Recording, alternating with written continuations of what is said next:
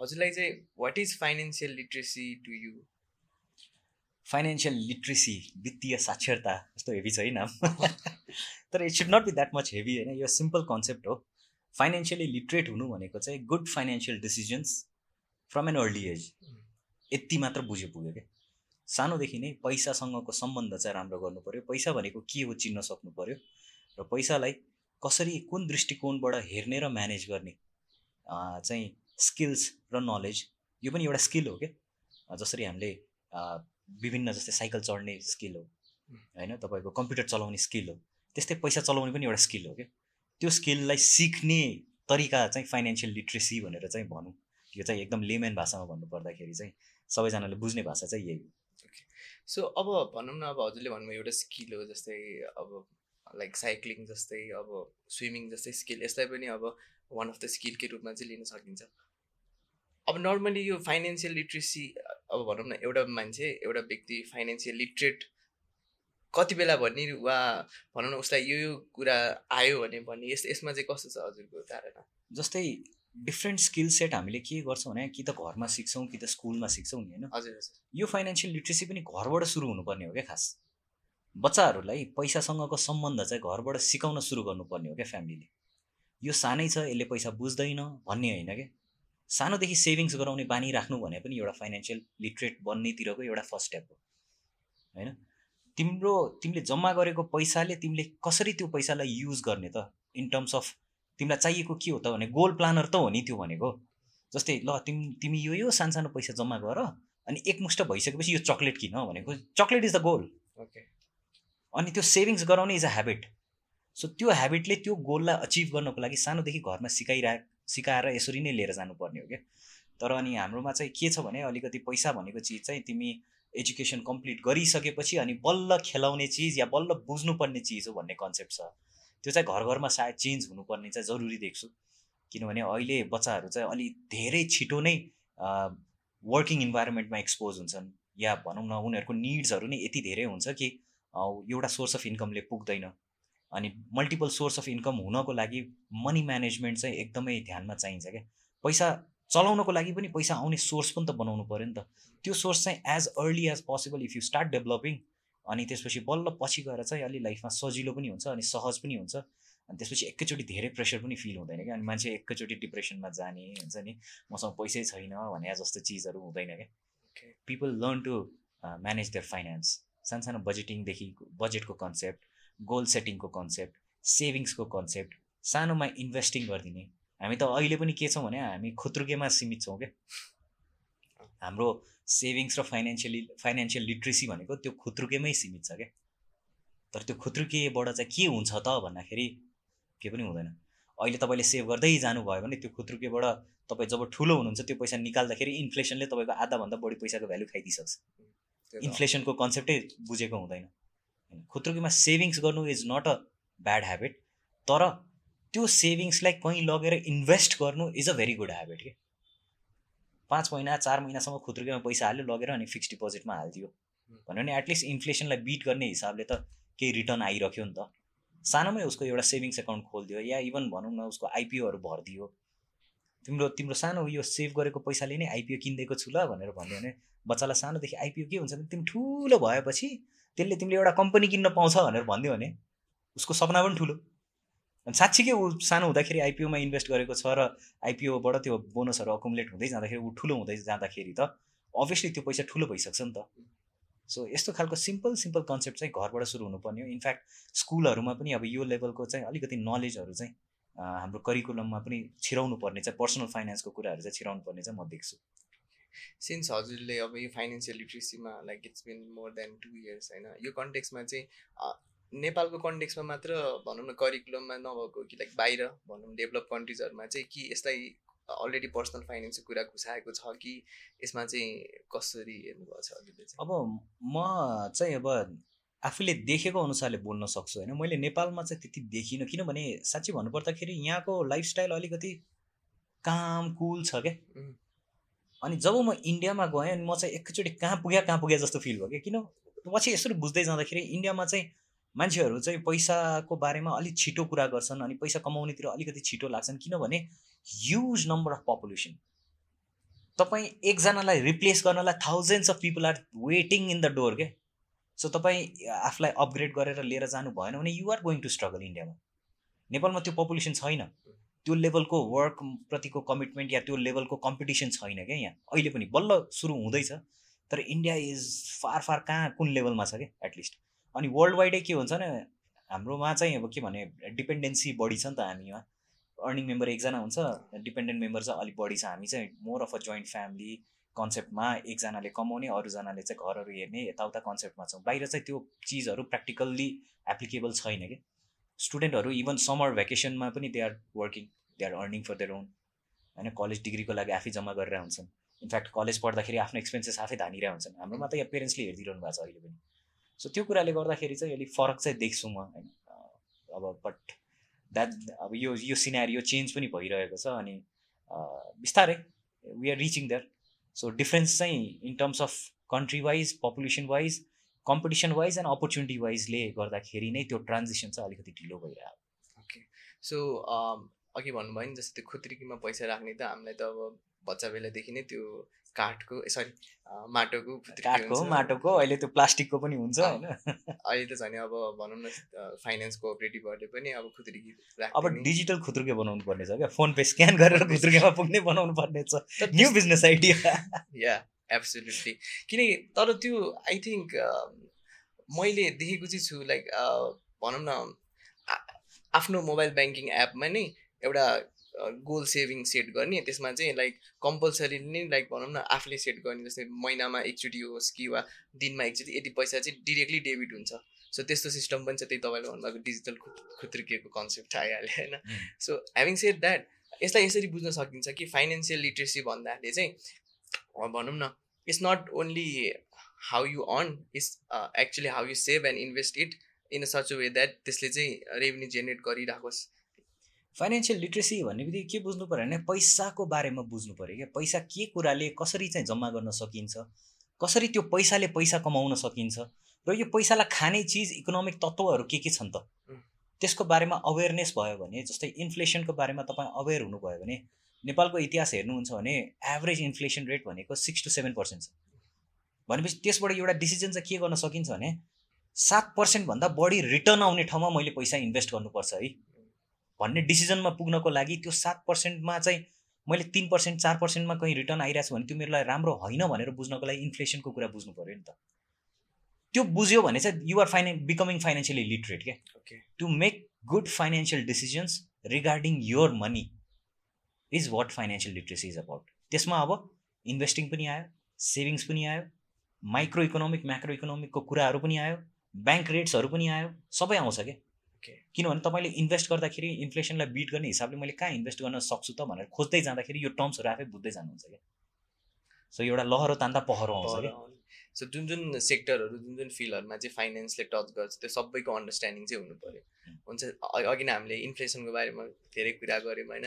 In short चाहिँ के हो त इन्फ्लेसन भनौँ न सबले बुझ्ने हिसाब इन्फ्लेसन भनेको महँगाइ हो क्या? जस्तै अहिले अब यो यही माइक किन्नु पऱ्यो भने दस हजार रुपियाँ पर्छ अरे होइन? एक वर्षपछि फेरि यही माइक किन्न जानुभयो दस हजार लिएर भने पाउनुहुन्न कि यसको भ्याल्यु बढिसक्छ एटलिस्ट आठ दस पर्सेन्ट बढाइ हुन्छ कि भनेपछि मेबी एघार हजार पुग्यो होला। सो तपाईँले दस हजार रुपियाँ जम्मा गर्नुभयो अरे तर फेरि एक वर्षपछि यही माइक किन्न जानुभयो भने पाउनुहुन्न किनभने महँगाइ बढिसक्छ। त्यसैले पैसा जम्मा गरेर मात्र पनि पुग्दैन क्या। त्यसलाई इन्भेस्ट गरेर एटलिस्ट बाह्र हजार तपाईँले जम्मा गर्दै गर्दै त्यसलाई बाह्र हजार बनाउन सकेको भए एघार हजारमा यो माइक आउँथ्यो हजार रुपियाँ तपाईँसँग पनि सेभिङ्स हुन्थ्यो नि त। सो इन्फ्लेसन भनेको महँगाइ हो। त्यो हरेक कुरामा एप्लिकेबल छ। चक्लेटमा पनि तपाईँको चामलमा पनि पेट्रोलमा पनि घरमा पनि गाडीमा पनि anything that you buy inflation हुन्छ त्यसमा। ओके।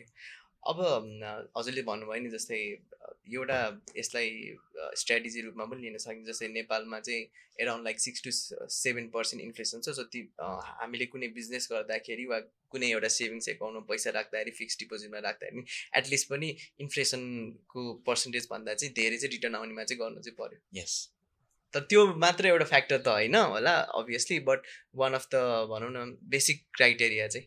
हो। सो पैसा किन कमाउने त? या पैसा चाहिँ किन चाहिन्छ त? भन्दाखेरि तपाईँको आफ्नो लाइफ बाँच्नको लागि चाहियो तपाईँलाई। वस्तुहरू उपभोग गर्नको लागि लाइफमा डिफ्रेन्ट डिफ्रेन्ट फेजमा जाँदाखेरि तपाईँलाई पैसा चाहिने हुन्छ। र त्यो पैसा चाहिँ के के चिजले चाहिँ तपाईँले एकको दुई दुईको चार गराउने त हाम्रो मेन अब्जेक्टिभ हो नि त। सो द्याट हाम्रो आफ्नो फ्यामिली हुँदाखेरि पछि निड्स हामीले सेटिस्फाई गर्न सकौँ त्यसको। हाम्रो खर्चहरू हामीले धान्न सकौँ। हामीले कसैसँग चाहिँ लिनु नपरोस्। होइन? आफ्नो आफैले आफ्नो अर्निङ्स गर्न सकौँ भन्ने दृष्टिकोणबाटै मान्छेले स्किल्सहरू लिने हो पढ्ने हो होइन? सो द्याट एउटा गुड फ्यामिली गुड लाइफ चाहिँ हामीले चाहिँ लिभ गर्न सकौँ। र त्यो लिभ गर्नको लागि one of the most important factor भनेको is going to be money अनि त्यही पैसाको बारेमा बुझ्न त्यो पैसालाई कसरी ग्रो गर्न सकिन्छ त्यो पैसा कसरी कमाउन सकिन्छ कति चाहिँ मलाई पुग्ला पाँच वर्षपछि मलाई कति चाहिएला यो सबै अवेरनेस चाहिँ फाइनेन्सियली लिटरेट भएपछि बल्ल आउँछ क्या हाम्रो नेपालमा चाहिँ अलिकति ढिलो आउँछ यो नलेज होइन? तर यो वर्ल्ड वाइड चाहिँ अलि छिटो आउनुपर्ने चिज चाहिँ हो। यसरी बुझ्न सकिन्छ कि कि पढेर कि पढेर सिकिन्छ नेपालमा चाहिँ पढेर चाहिँ फाइनेन्सियली लिटरेट भइ राखिन्छ यस्तो यसरी भन्नु सिम्पल सिनेरियो कसरी बुझौँ भने नि जस्तो मानौँ यो परिवारहरूले चाहिँ के भन्छ भने एक्चुली एटलिस्ट ब्याचलरसम्म पढ भन्छ नि त होइन? ब्याचलरसम्म पढ्दा पढ्दै एकजनाको उमेर कतिसम्म पुग्छ भनौँ न? एक्काइस बाइस वर्ष त पुग्छ एटलिस्ट एराउन्ड अनि बाइस वर्षसम्म पुग्यो या फेरि मास्टर्स कोही गर्न लाग्छन्? अर्को दुई तिन वर्ष गयो भनेपछि चौबिस वर्ष पच्चिस वर्ष हुन्छ। एक वर्ष काम गरेको हुँदैन बिहा गरिदिन्छन्। छब्बिस सत्ताइसमा। अनि बिहा गरिसकेपछि एकैचोटि फ्यामिली हुन्छ। Now you have to take care of yourself your family and everything अनि एकैचोटि पैसाको रिक्वायरमेन्ट एकदमै ठुलो हुन जान्छ। अनि मान्छेले के गर्न थाल्छ भन्दा सर्टकट टु मनी खोज्न थाल्छन् क्या। अनि कसरी कमिसन बेसिसमा पैसा कमाउन सकिन्छ थोरै काम गरेर धेरै पैसा कसरी कमाउन सकिन्छ त्यहाँतिर मान्छेको दिमाग बढी लाग्छ क्या। अनि त्यही प्रोसेसमा चाहिँ मान्छेहरूले फ्रड गर्ने अरूलाई स्क्याम गर्ने अनि अलिकति नचाहिने कुराहरू गर्नेतिर चाहिँ लाग्ने जान्छ। तर if you had that knowledge कि मलाई चाहिँ यो उमेरमा अलिक धेरै पैसा चाहिन्छ भनेर तपाईँले पावर अफ कम्पाउन्डिङ भन्ने सुन्नुभएको छ होइन? As early as you start सानो सानो अमाउन्ट पनि एउटा पिरियड अफ टाइममा गएर थुप्रो भइदिन्छ कि सो कुनै मान्छेले सोह्र वर्षको उमेरमा पाँच सय रुपियाँ मात्र बचाउन थाल्यो अरे सोह्र वर्षदेखि बिस वर्षको उमेरमा उसले पाँच सय पाँच सय हरेक महिना बचाउँदै लिएर गयो अरे इन्भेस्ट गर्दै भनौँ न एसआइपीमा हाल्यो अरे या इभन रिअकरिङ डिपोजिटमा हाल्दै लिएर गयो अरे होइन? अनि अर्को साथी पनि छ अरे जसले चाहिँ सोह्र वर्षदेखि रमाइलो गर्दै मात्र बस्या छ अरे खर्च मात्रै गरिरहेको छ। खर्च मात्र गर्दै बस्या छ अरे अब सोह्र वर्षदेखि जसले बचाउँदै गएको छ उसले बिस वर्ष पुगेपछि उसले बन्द गरिदियो अरे बचाउनु। अब ऊ अब आफूले कमाउनु थाल्यो खर्च गर्न थाल्यो अरे तर त्यो इन्भेस्ट भएकोलाई चाहिँ उसले चलाएन अरे। तर त्यो अर्को साथी जो चाहिँ बिस वर्ष पुगेको छ उसले त्यहाँबाट बल्ल ए यसले सोह्र वर्षदेखि पाँच सय इन्भेस्ट गरेको थियो। अब म बिस वर्षबाट हजार रुपियाँ इन्भेस्ट गर्छु भनेर उसले इन्भेस्ट गर्न थाल्यो भने पनि त्यो मान्छेले बिस वर्षको उमेर भएको मान्छेले सोह्र वर्षको उमेर भएको मान्छेले गरेको इन्भेस्टमेन्टलाई कहिले पनि बिट गर्न सक्दैन कि। उसले बिस वर्षदेखि कन्टिन्युस इन्भेस्ट गर्न थाल्यो र सोह्र वर्षवालाले बिससम्म मात्र इन्भेस्ट गरेर छोडिदियो भने पनि सोह्रवालाले जित्छ। That is the power of compounding power of कम्पाउन्डिङमा दुईवटा फ्याक्टर एकदमै ठुलो छ। एउटा टाइम एउटा रेट टाइम त कसैले किन्नै सकिँदैन। होइन? अब रेट भनेको एकदम फ्लक्चुएट हुने कुरा हो। So as early as you start अब अहिले चौध पन्ध्र या सोह्र वर्षको उमेरदेखि नै कसैले सेभिङ्स ह्याबिट राख्यो भने तिस वर्ष पुगुन्जेलसम्ममा उसले आफ्नो बिजनेस सञ्चालन गर्नको लागि या आफ्नो कुनै ठुलो एउटा फाइनेन्सियल निड गर्नको लागि कसैको मुखै हेर्नु पर्दैन कि? महिनाको पाँच सय हजार रुपियाँ मात्र पनि सेभ गरिरहेछ भने कन्सिस्टेन्टली सेभ गरिरहेछ भने उसँग by the age of thirty thirty five पुग्दाखेरि त हातमा केही नभए डेढ दुई करोड रुपियाँ पुगिसक्छ कि। तर त्यो डेढ दुई करोडमा चाहिँ इन्फ्लेसनको एडजस्टमेन्ट त त्यो गरेर पनि अझै बच्छ क्या।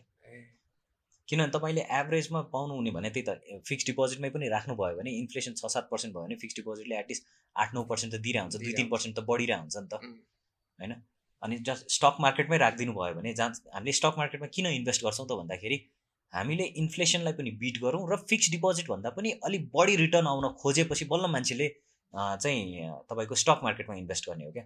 जस्तै अहिले फिक्स डिपोजिटको रेट एकदम हाई छ होइन? अस्ति अस्ति त झन् बढी थियो एघार पर्सेन्ट बाह्र पर्सेन्टसम्म आइरहेको थियो होइन? त्यो आउने बित्तिकै सेयर मार्केट स्वाट डाउन भयो क्या? किनभने रिस्कै नलिकन मैले बाह्र पर्सेन्ट कमाउन सक्छु भने म सेयर मार्केटमा किन इन्भेस्ट गर्नु भन्ने हो मान्छेको माइन्ड सेट के? जब सेयर मार्केट जब फिक्स डिपोजिटको इन्ट्रेस्ट रेट तपाईँको सात पर्सेन्ट आठ पर्सेन्टमा आउँछ त्यो भनेको के अरे? इन्फ्लेसन सात पर्सेन्ट फिक्स डिपोजिटबाट आउने आठ पर्सेन्ट भनेपछि तपाईँले वर्षमा जम्मा एक पर्सेन्ट कमाइरहेछ तर सेयर मार्केटमा राख्यो भने बाह्र पर्सेन्ट पन्ध्र पर्सेन्टभन्दा बढी माथि कमाउन सक्छु भन्ने चाहिँ प्रोएबिलिटी हुन्छ नि त। हिस्ट्री हेर्ने हो भने पनि कमाइन्छ क्या। तपाईँले म्युचुअल फन्डमै राखिदिनु भयो भने विगतको दस वर्षको डेटा हेर्नुभयो भने एभरेजमा म्युचुअल फन्डले पन्ध्र पर्सेन्टको रिटर्न दिएको छ कि नेपालमा। नेपालमा। फिक्स डिपोजिटले त पन्ध्र पर्सेन्ट त दिएको छैन। Over a period of time so त्यो एउटा चाहिँ फाइनेन्सियल लिटरेट भएपछि मात्र यो डिसिजन मेकिङ गर्न सकिन्छ क्या। अनि द्याट्स हाउ यो ब्याङ्क र सेयर मार्केटको रिलेसन पनि छ क्या। ब्याङ्क रेट बढ्यो भने सेयर मार्केट जहिले पनि घटिरहेको हुन्छ ब्याङ्क रेट घट्यो भने अनि मान्छेले ल यहाँभन्दा त बरु म सेयरमै इन्भेस्ट गर्छु किनभने त्यहाँ अपर्च्युनिटी अलिक बढी पाउँछ भनेर अनि बल्ल सेयर मार्केटमा पैसा हाल्न थाल्छन् क्या। So bank rate and share मार्केटको चाहिँ इन्भर्स रिलेसनसिप हुन्छ क्या generally keeping other things constant या त्यो त अब इकोनोमिक्समा त एउटा भेरिएबल चलाउँदाखेरि अरू सबै त सरी। कन्सटेन्ट त राख्नै पऱ्यो मुभिङ अन होइन दाइ अहिले त नेपालको पपुलेसन त डेमोग्राफी हेर्दाखेरि म्याक्सिमम् युथ छ नि त होइन। अनि हजुरले जुन स्टार्ट गर्नुभएको थियो starting from Ideapreneur Nepal till the Money Mitra होइन। यो जर्नीमा चाहिँ आई थिङ्क मैले हजुरसँग कन्टेम्प्लेट गर्दाखेरि चाहिँ it's like making finance sorry making Nepal financially literate होइन। यो इनिसिएसनको सुरुवात कसरी भयो र actually why do you want make Nepal financial literate first त मलाई थाहा थिएन I wanted to make Nepal financially literate होइन? आइडियाप्रोनर नेपाल मैले सुरुवात के गरेको थिएँ भने म अन्टरप्रोनर भएर निस्किरहेको थिएँ। Because I was trying to many things different different सेक्टरमा हात हालेर म कामहरू गरिरहेको थिएँ। अनि भनेपछि लकडाउनको पिरियडमा चाहिँ के भयो भने let's give something back to the society मैले जानेको कुरा बुझौँ न त भन्दाखेरि म लेक्चरर पनि होइन। म कुनै कलेजमा गएर बुझाउन सक्दिनँ थिएँ। So what was in my control was एउटा भित्ता थियो मसँग मसँग फोन थियो। त्यही फोनबाट एउटा युट्युब च्यानल सुरु गरेर चाहिँ ल मैले बुझाउन खोजेको चिज साँच्चीकै नेपाललाई सकिन्छ कि सकिँदैन या मान्छेले एक्सेप्ट गर्छ कि गर्दैन भनेर I started with the journey अनि इनफ्याक्ट आइडियाप्रोनर नेपालको फर्स्ट फर्स्टको जर्नी हेर्नुभयो भने पनि त्यसमा कस्तो नै how to develop entrepreneurial mindset. होइन म रेस्टुरेन्टहरू फुड एन्ड बेभरेज इन्डस्ट्रीमा लागिरहेको थिएँ भनेपछि एउटा रेस्टुरेन्ट खोल्नको लागि टप फाइभ कुराहरू के हुन्छ त?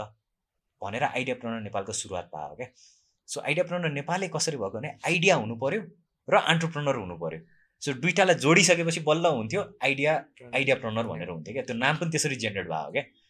तर त्यो गर्दै जाँदाखेरि त्यसपछि अब फेरि एउटा के भयो भने सेयर मार्केटको टपिक पनि मैले सिम्पल तरिकाले देशलाई सेयर मार्केट किन चाहिन्छ त? बेसिक्स अफ सेयर मार्केट भनेर एउटा भिडियो हालेँ जुन चाहिँ यस्तो धेरै भ्यू भयो होइन। मै आफै छक्क परेँ क्या। एन्ड देन आई रियलाइज कि फाइनेन्सियल लिट्रेसी चाहिँ नेपालमा साँच्चीकै नै कमी रहेछ। सो अब अन्टरप्रोनर र आइडियालाई मात्र कि होइन कि म फाइनेन्सियल्ली मैले जानेको चिज र फाइनेन्सियल लिट्रेसीतिर म काम गर्छु भनेर अनि बल्ल आइडियाप्रोनर नेपालको त्यो स्लोगन चेन्ज गरे हो क्या। पहिला वेयर आइडिया मिट्स अन्टरप्रोनर थियो क्या।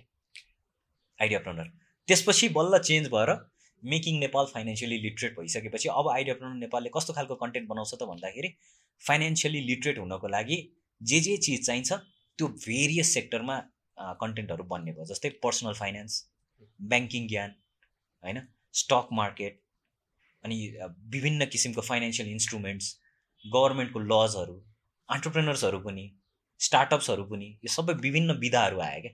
अनि त्यसकै बेसिसमा अहिले आइडियाप्रेनरमा कन्टेन्टहरू बनाउँदै गइरहेको छु क्या। So that is how Ideapreneur Nepal started okay so फर्स्टमा चाहिँ आइडिया प्रणरको कन्सेप्ट चाहिँ लाइक हजुरले जस्तै जस्ट अन्टरप्रेनर्सहरूसँग आइडियाहरू अकुमुलेट गरेर नेपालमा कसरी चल्ला भनेर के होला त भन्ने कन्सेप्टमा गएको थिएँ।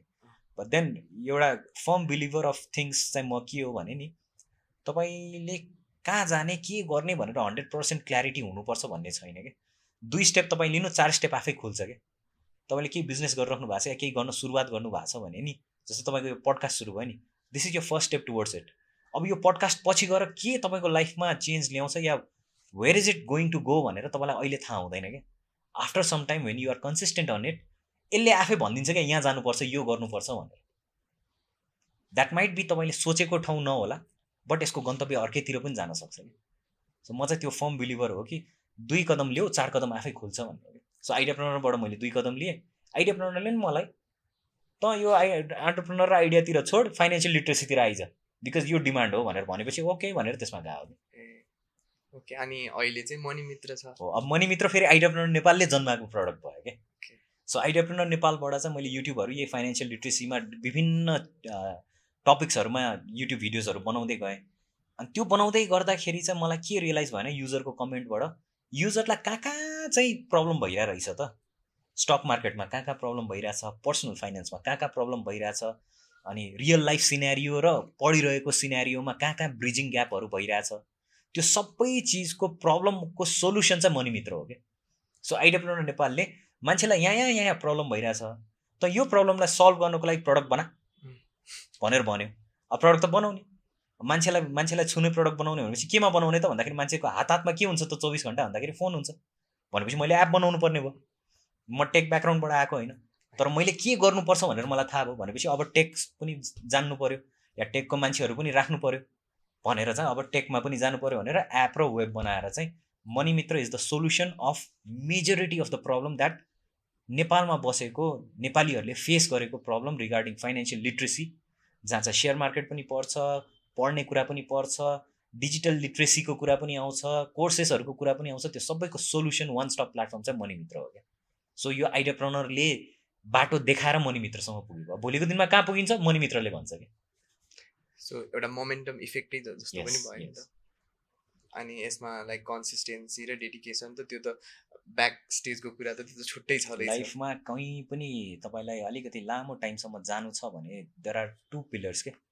You have to be consistent you have to be persistent यही हो दुइटा केही पनि सर्टकटमा आउँदैन। कन्सिस्टेन्सी र पर्सिस्टेन्ट हुनैपर्छ लागिरहनुपर्छ।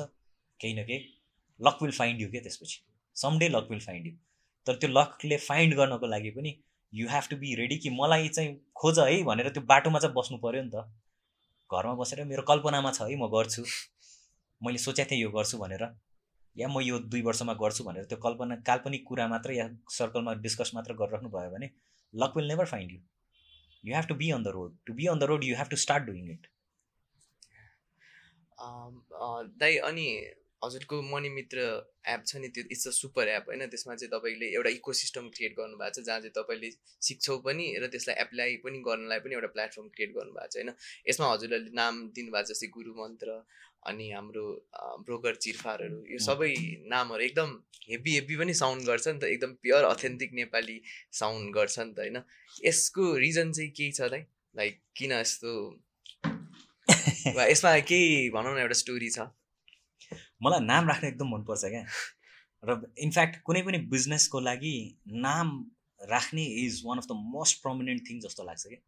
सो इफ यु सी मेरो नाम राख्ने तरिका फ्रम द मेरो पास्ट बिजनेस जस्तै कफीको कुनै कफीवाला काम गरिरहेको थियो भने त्यसको नाम कफी र मिल्क सेक मात्र गर्ने भनेर थियो कि सो नामै बिन्स एन्ड सेक्स थियो कि Mm. मङ्गल बजारमा सुरु गरेको। त्यसपछि न्यु रोडमा क्याफे गरेँ त्यसको नाम केटिएम क्याफे भनेर राखेँ त्यसपछि अलिकति ठुलो लेभलको लाउन्ज गर्ने भनेर सोद्धाखेरि नामै त्यतिखेर भनौँ न टु थाउजन्ड सिक्सटिन कि सेभेन्टिनतिर ह्यासट्याग लाउन्ज भनेर राखेको थिएँ. कि जब इन्स्टाग्रामहरूमा ह्यासट्याग भन्ने त्यति कमन पनि थिएन कि ह्यासट्याग गरेर राखिन्थ्यो नि त. हामीले त्यो लाइन्सहरू ट्विट्सहरूमा ह्यासट्यागहरू. नि त सो नामै ह्यासट्याग राउन्ड राखेको थिएँ कि अनि त्यसपछि फेरि त्यो आइसक्रिमको minus three two one ice cream live भनेर राखेँ। अलिकति युनिक थियो क्या नाम। अनि minus three it has to be logical पनि के? अनि त्यसपछि फेरि आयो चिया अड्डा के? अड्डा। सो मान्छेलाई सजिलो पनि होस् सिम्पल पनि होस् र रिमेम्बर गर्न सक्ने पनि होस् भनेर हो क्या अनि अब म सेयर मार्केटको पढाइरहेको थिएँ। सेयर मार्केटको बारेमा चाहिँ इन्डोर्स गरिरहेको थिएँ। अनि सेयर मार्केटको प्रडक्ट बनाउने भनिसकेपछि के हो त मान्छेलाई सेयर मार्केटको बारेमा थाहा नै हुँदैन त। यो एउटा कसरी म मान्छेलाई कसरी बुझाउँ त भन्दाखेरि एउटा मन्त्र दिउँ न त। एउटा मन्त्र दिउँ जो जो चाहिँ मान्छेले मेरो दिमागमा के आएको थियो भने हामी वर्तमान गर्छौँ नि। वर्तमानमा गुरुले यस्तो कुरा ल्याएर गायत्री मन्त्र भन्छ नि त होइन। सो ओहो त्यसपछि अनि बल्ल हाम्रो चाहिँ जनै लगाइसकेपछि ल अब बल्ल यो यो चाहिँ वर्तमान सम्पन्न भयो अब बिहा गर्ने लायक भयो भनेर भन्छ नि त होइन। So why not name it like हुन्छ नि गुरु मन्त्र। सो द्याट एउटा गुरुले जसरी चाहिँ सेयर मार्केटको केही पनि नजानेको मान्छेलाई चाहिँ सजिलो बनाउने सेयर मार्केटमा आउनलाई एनालाइसिस गर्नको लागि यो प्लेटफर्म आफै त्यो नामले नै मान्छेलाई चाहिँ गुरु मन्त्र गुरुले सिकाएको भन्ने टाइपको चाहिँ होस् भनेर चाहिँ नाम गुरु मन्त्र राखेको होइन. अनि अर्को प्रडक्ट छ जसको कामै के हो भने नेपालमा भएको स्टक मार्केटमा भएको ब्रोकर्सहरू को को कता कता छन्? को को उसको अफिस कहाँ छ? को कोले के के सर्भिस दिन्छ? कसले टाइममा पैसा हालिदिन्छ भनेर धेरै मान्छेहरूलाई थाहा नै छैन कि? सेकेन्डरी मार्केटमा आउनु छ भने तपाईँ ब्रोकरकोमा अकाउन्ट खोलेरै मात्र आउनुपर्छ। तपाईँले नेप्सेमा कारोबार गर्नु छ भने आइपिओ भर्दाखेरि परेन।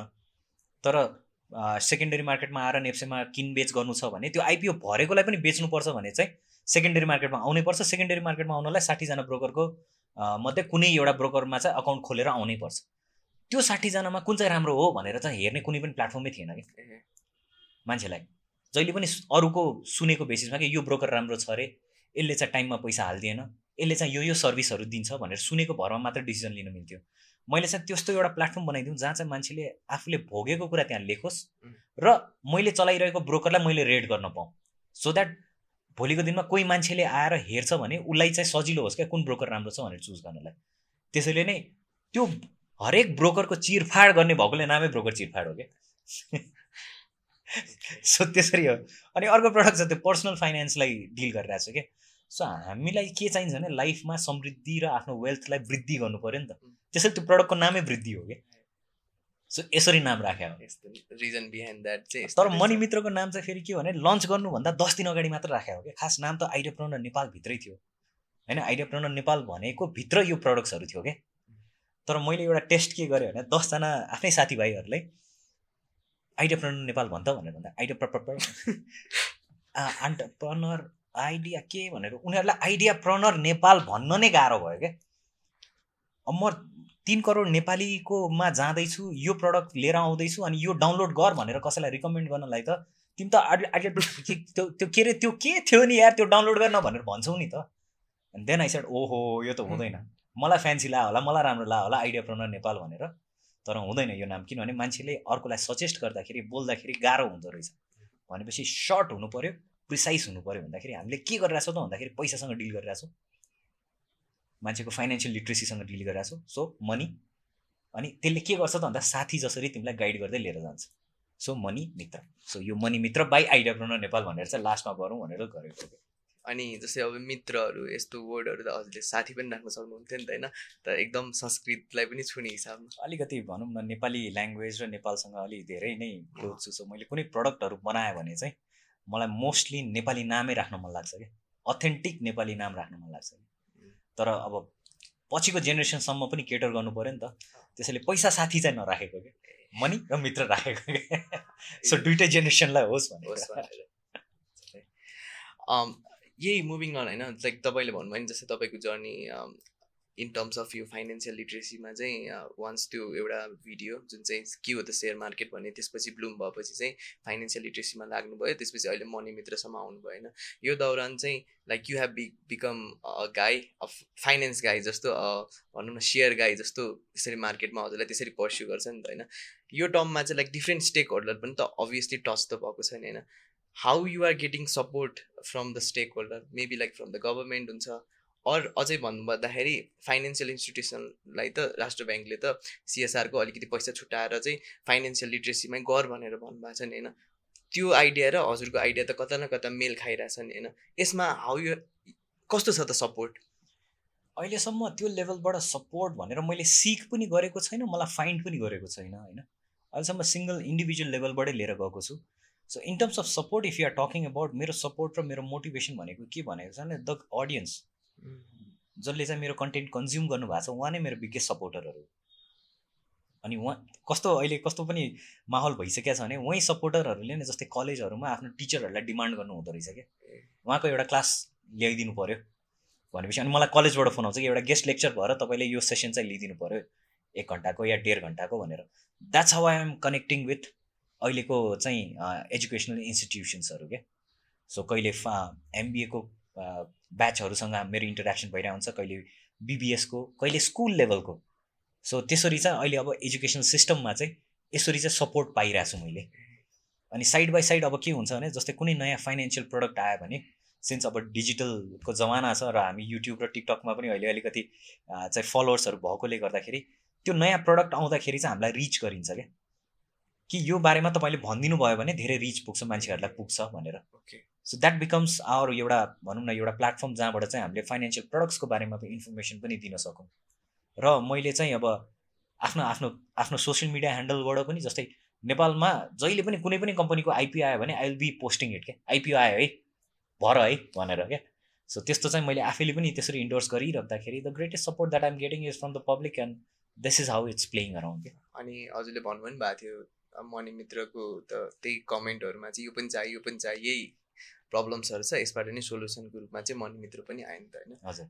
एउटा इको सिस्टमै क्रिएट भइरहेछ अनि. I think the relationship with the audience ले गर्दाखेरि नै हजुरलाई त एउटा न्यू भेन्चरमा हात राख्नु भएको छ नि त। So all the best with the money thank you so much अनि दाइ होइन मलाई कस्तो फिल हुन्छ भने चाहिँ होइन पर्सनल लेभलमै भन्दाखेरि जस्तै हजुरको आइन्टरप्रेनर नेपालको च्यानलमा जस्तै एसआइपी भनेको के हो अनि म्युचुअल फन्ड भनेको के हो यस्तो यस्तो कुराहरू इन्फर्मेसन दि दिँदै हुनुहुन्छ नि होइन? मलाई चाहिँ कस्तो लाग्छ भने चाहिँ एउटा ब्याङ्कको वा क्यापिटल मार्केटको उसको त प्रडक्ट हो नि त फिक्स डिपोजिट उसको प्रडक्ट हो नि त। जसरी अब एउटा कम्पनीको लागि चाहिँ एउटा फर इक्जाम्पल ब्याग म्यानुफ्याक्चर छ भने ब्याग उसको लागि प्रडक्ट हो नि त। सो उसले त्यो ब्याग सेल गर्नको लागि त के के ब्यागको के के फिचर छ यस्तो कस्तो उसले त भनौँ न मार्केटिङ गर्ला तर उसले त फिचर्सहरू भन्छ नि त होइन? यस्तै केसमा चाहिँ नेपालमा चाहिँ ब्याङ्कहरूको त्यसमा रेस्पोन्सिबिलिटी हुन्छ कि हुँदैन? कि लाइक यो प्र किन भन्दाखेरि ओभरअल त कन्ट्रीलाई नै हेल्प हुने हो नि त। त्यस्तो प्रडक्टमा चाहिँ कसैले इन्भेस्ट गरिरहेछ भने यो केसमा ल फिक्स डिपोजिट आयो भने सक्यो कि? के हो त? यसरी शिक्षा दिनुपर्छ जस्तो लाग्छ कि लाग्दैन हजुरलाई? लाग्छ र ब्याङ्कहरूले आफ्नो लेभलबाट पनि गरिरहेछ होइन? तर एउटा ग्याप चाहिँ कहाँ छ भने नि जस्तै म ब्याङ्क भएँ अरे। मैले कुनै सर्भिस ल्याएँ अरे। मैले त्यो प्रडक्टलाई इन्डोर्स गरेर मैले मार्केटमा बुझाउनु र कोही नर्मल मान्छे छ त्यो बारेमा बुझ्ने मान्छे छ तर उसको सर्भिस होइन। उसले बुझायो भने चाहिँ मान्छेले के गर्छ भने उसले बुझाएकोमा बढी अथेन्टिकेसन माग्छ क्या। किनभने म ब्याङ्क भएकोले यसले आफ्नो प्रडक्ट त बुझाइहाल्छ नि। यसको ज प्रडक्ट आफ्नो जस्तो सुकै राम्रो भए पनि नराम्रो भए पनि यसले त राम्रै भन्छ। भनेर मान्छेले त्यो दृष्टिकोणले हेरिदिन्छन् क्या। जस्तै म कुनै ब्याङ्क होइन म कुनै क्यापिटल होइन तर एसआइपी मैले बुझाउँदाखेरि मान्छेले चाहिँ ए यो साँच्चीकै राम्रो कुरा हो कि क्या हो? किनभने मेरो स्वार्थ भएन नि त त्यसमा केही। मेरो नितान्त स्वार्थ भनेको के भने नि यो प्रडक्टको बारेमा इन्फर्मेसन पब्लिकमा पुऱ्याउनु हो। र मैले त्यो प्रडक्टलाई इन्डोर्स गरेको होइन कि मैले आफैले कुनै बेचिरहेको छैन भनेपछि मैले त्यहाँबाट बेनिफिट डिराइभ गरिनँ नि त। सो बेनिफिट डिराइभ जहाँबाट गरेन भनेपछि यो चाहिँ सही हो भन्ने चाहिँ मान्छेको दिमागमा आउँछ क्या फर्स्ट थिङ सो त्यही कारणले गर्दाखेरि ब्याङ्कहरूले जति गऱ्यो भने पनि ए आफ्नै प्रडक्ट राम्रो भनिहाल्छ नि। किन सुन्नु पऱ्यो या बिचमा केही छ कि? हामीलाई थाहा नभएको भन्ने मान्छेको डाउट आउँछ क्या। तर हामीले जसले चाहिँ कुनै प्रडक्ट बनाएको होइनौँ जस्तै मणि मित्रको बारेमा मैले इन्डोर्स गर्दै गएँ भने आफैले बनाएको आफू राम्रो भनिहाल्छ नि भन्ने हुन्छ। तर अर्को कोही फाइनेन्सियल एजुकेटर जसले चाहिँ ए मणि मित्र राम्रो छ है भनेर भन्यो भने चाहिँ मान्छेलाई के हुन्छ भने उसको प्रडक्ट होइन रहेछ तर साँच्चीकै राम्रो भएकोले उसले राम्रो भन्यो नि त भन्ने चाहिँ अलिक विश्वास आउँछ कि so this is how natural चाहिँ मान्छेहरूले लिने पर्सपेक्टिभ चाहिँ त्यसरी बन्छ जस्तो लाग्छ। अनि ब्याङ्कहरूले आफ्नो सिएसआरमा गरिरहेको हुन्छ ठाउँ ठाउँमा गएर फाइनेन्सियल लिट्रेसीको पनि इभेन्टहरू गरिरहेको हुन्छन् क्यापिटलहरूले पनि गरिरहेछन् मैले देखाएको छु गरिरहेको तर तपाईँले भने जस्तो इफेक्टिभ चाहिँ त्यति भइरहेको छैन क्या। बिकज हामीसँग पुगेकै छैन। त्यो त्यहीँ त्यो इभेन्टमै सकियो क्या। त्यसको रिपल्सन हुन्छ नि इफेक्ट आउनुपर्ने त्यो चाहिँ आएन। किनभने मान्छेले के भने ब्याङ्कको प्रडक्ट आफ्नै प्रडक्ट गरिहाल्छ नि राम्रो भए पनि नराम्रो भए पनि भनेर त्यसको चर्चै हुँदैन। त्यति हो। त्यही त अब भनौँ न जस्तै हाम हामीले पनि यो प्रोग्राम गर्दाखेरि पनि ब्याङ्कहरूसँग पनि कुरा गरेको थियौँ फर्स्ट इयर होइन। उहाँले चाहिँ लाइक फिजिकल्ली त गरिरहेको छौँ नि जस्तो कुरा गराउनु भएको थियो कि तर अहिले त अब सबै चिज डिजिटल गइसक्यो नि त होइन। यो केसमा कस्ट वाइज सोच्दाखेरि पनि भनौँ लाइक अब गाउँ गाउँमा जाँदाखेरि पनि त लाइक इन्टरनेटको त पहुँच त छ नि होइन। कस्ट वाइज सोच्दाखेरि अब एउटा टिमै लिएर गएर त्यहाँ गएर बसेर हुन्छ नि एउटा इभेन्ट गर्नु भन्दाखेरि पनि बरु भनौँ न भिडियो बनाएर त्यसलाई डिजिटली प्रमोट गर्न सक्दाखेरि त त्यो बेस्ट हुनसक्छ नि त होइन? यसमा हजुरको केही ओपिनियन छ? हो अब बिस्तारै चेन्ज हुन्छ। ब्याङ्कहरूले पनि मार्केटिङ गर्ने आफ्नो प्रडक्टहरूलाई कसरी डिस्प्ले गर्ने कुरामा चाहिँ बिस्तारै चेन्ज आउँछ। अब अझै पनि ब्याङ्कमा बस्नुभएको जहाँ चाहिँ डिसिजन मेकरहरू बस्नु भएको छ उहाँहरू सायद त्यति टेक फ्रेन्डली नहुनु भयो होला होइन?